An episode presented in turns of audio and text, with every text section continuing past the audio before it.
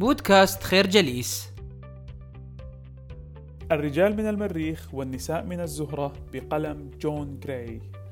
يقدم لنا الدكتور جون جراي في كتاب الرجال من المريخ والنساء من الزهرة أفكارا مبتكرة في مجال العلاقات الإنسانية بين الرجال والنساء حيث يعد هذا الكتاب واحدا من أهم وأشهر الكتب في فهم واستيعاب الجنس الآخر.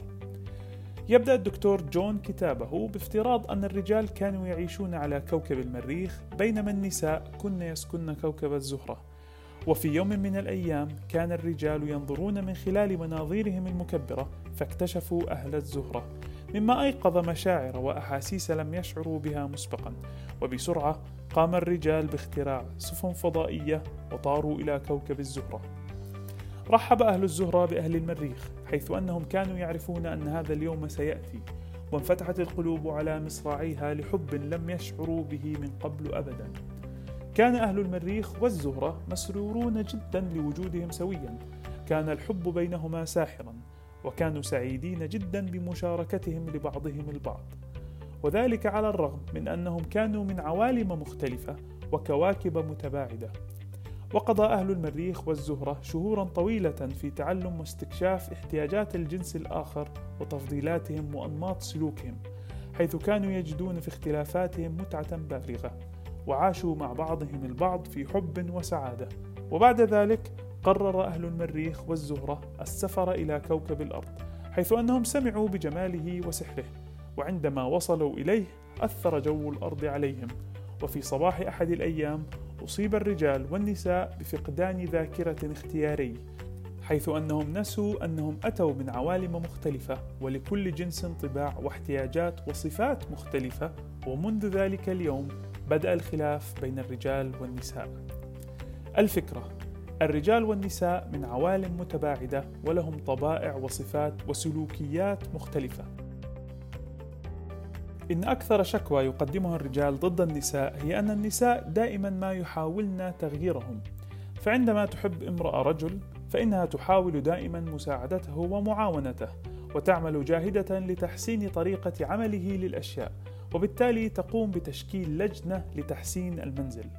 ومهما قاوم مساعدتها فإنها من باب حبها له تقوم بتقديم المعونة والمساعدة وهذا الطريق يعتبر غير مقبول ابدا من الرجل. ولكي نفهم هذا المعنى دعونا نعود للوراء حين كان الرجال يعيشون على كوكب المريخ.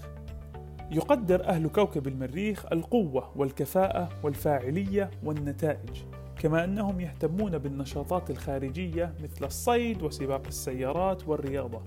إن مفهوم الذات لدى الرجل يحدد عن طريق قدرته على تحقيق النتائج. وبالتالي عندما تقوم النساء بتقديم نصيحة إلى الرجل دون أن يطلبها هو منها فإنها تعني أنه لا يعرف ماذا يفعل وأنه لا يستطيع القيام بالعمل الموكل إليه بنفسه. وتبدو له هذه النصيحة على أنها انتقادية وغير ودية. وفي المقابل فإن أكثر شكوى تقدمها النساء ضد الرجال هي أن الرجال لا يسمعون. حيث أنه في بعض الأحيان يتجاهلها عندما تتكلم أو يسمعها لثوان معدودة ثم يضع بتفاخر قبعة السيد الخبير ويقوم بتقديم حلول لمشاكلها. ومهما حاولت أن تخبره بأنه لا ينصت فإنه لا يستوعب ذلك ويستمر بتكرار نفس الفعل ويعد هذا السلوك من الرجال مرفوض بشدة لدى النساء. ولكي نفهم هذا المعنى دعونا نعود للوراء حين كان النساء يعشن على كوكب الزهرة. يقدر أهل الزهرة الحب والتواصل والعلاقات والجمال حيث يقضون ساعات طويلة في مساندة ورعاية بعضهم البعض ويشعرون بالإشباع عن طريق المشاركة والتواصل حيث أن فكرة النساء عن أنفسهم تتحدد عن طريق مشاعرهم ونوعية العلاقات التي تربط بينهم. وهذا أمر يصعب على الرجال استيعابه حيث أنهم كما ذكرنا سابقا يقدرون الكفاءة والنجاح وحل المشاكل وهذا يؤدي إلى حدوث المشاكل بين الزوجين حيث أن المرأة ترغب فقط في أن تبوح بمشاعرها عن يومها ولا ترغب بأن يقاطعها الرجل ويقدم لها أي حلول. فهي تتمنى فقط أن يقوم بالإنصات إليها. الفكرة على المرأة أن لا تقدم النصيحة للرجل بدون إذن منه وعلى الرجل أن يتعلم فن الإنصات للمرأة بدون مقاطعتها. إن أحد الفوارق الرئيسية بين أهل المريخ وأهل الزهرة هي في طريقة تعامل كل منهم مع الضغوط الحياتية المختلفة. فعندما يواجه الرجال ضغوطات في الحياة فإنهم في غالب الأمر يصبحون أكثر تركيزا وانسجاما مع المشكلة التي ولدت هذا الضغط. فيجدون راحتهم عن طريق إيجاد حل لهذه المشكلة. فتراهم لا يتحدثون عن ما يضايقهم بل يفضلون الانعزال بأنفسهم في كهوفهم الخاصة ليفكروا في حل مشكلتهم. وعندما يجدوا الحل المناسب يشعرون بالتحسن ويخرجون من كهوفهم. وإذا لم يستطع الرجل إيجاد الحل فإنه يقوم بممارسة نشاطات مختلفة تنسيه هموم المشكلة وضغوطاتها. فتراه يبدأ بقراءة الأخبار أو مشاهدة التلفاز أو ممارسة الرياضة وبالتالي ينسى هذه الضغوطات ويصبح متحررا. ثم في اليوم التالي يعود إلى الكهف ليحاول إيجاد الحل للمشكلة. في هذه الفترة يكون الرجل كثير النسيان وغير متجاوب ومنشغلا عن علاقاته وبالتالي على المرأة أن تفهم طبيعة أهل المريخ في التعامل مع الضغوط. وعليها أن لا تدخل معه في الكهف بدون إذن منه. بل تنتظره حتى يجد الحل المناسب ويخرج من الكهف.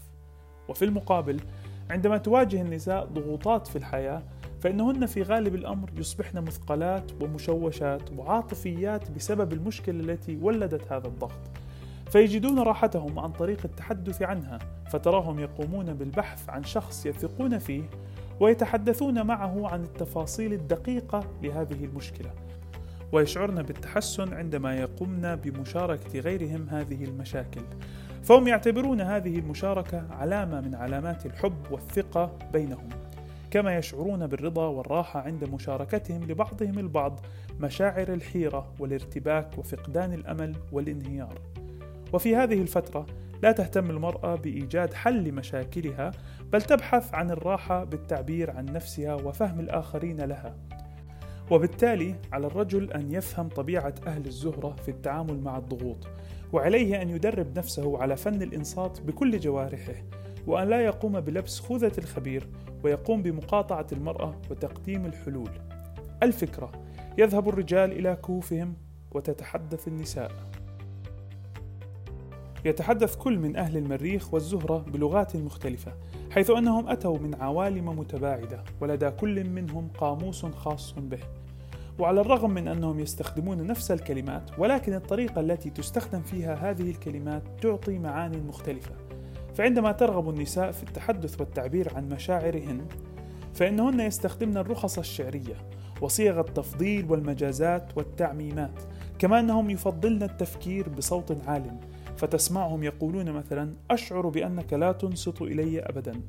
في هذه الحالة على الرجل أن لا يأخذ هذه الكلمة بصورة حرفية بل عليه أن يستخدم قاموس مفردات الزهرة والذي يترجم هذه العبارة إلى أشعر بأنك لا تفهم تماما ما أقصد قوله ولا تهتم بمشاعري هل من الممكن أن تبين لي أنك مهتم بما أقوله؟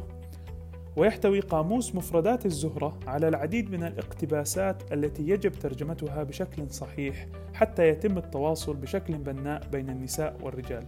فعندما تقول المرأة: نحن لا نخرج أبدا، فهذه الجملة تترجم: أشعر برغبة في الخروج وعمل شيء معا. نحن نقضي وقتا ممتعا عندما نخرج، وأنا أحب أن أكون معك. وعندما تقول المرأة: الكل يتجاهلني، فترجمة هذه الجملة هي: اليوم أشعر بأنني متجاهلة وغير معترف بي. أتمنى أن تعطيني اهتمامك وتخبرني كم أنا عزيزة عليك. وفي المقابل يستخدم الرجال اللغة كوسيلة لنقل الحقائق والمعلومات فقط ويمسكون عن الحديث عندما يضايقهم موضوع معين أو مشكلة ما. بعكس ما تفعله النساء بإشراك المستمع في الاستكشاف الداخلي. فالرجال قبل أن يتحدثوا يذهبوا إلى كهفهم ويقلبوا الموضوع في عقلهم ويفكروا في أفضل إجابة وحل لهذه المشكلة. ثم يشكلونه داخليا ويعبروا عنه بكلمات في الخارج. وهذه العملية قد تستغرق وقتا طويلا وفي هذه الحالة على النساء أن لا يسئن تفسير صمت الرجل ولا أن يتخيلن الأسوأ. فدائما ما تفسر النساء هذا الصمت بأن الرجل يكرهها أو لا يحبها. ولكن في الواقع هذه هي الطريقة التي جبل عليها أهل المريخ. كذلك على المرأة أن تستخدم قاموس مفردات المريخ حتى تتمكن من فهم الرجل بصورة أفضل.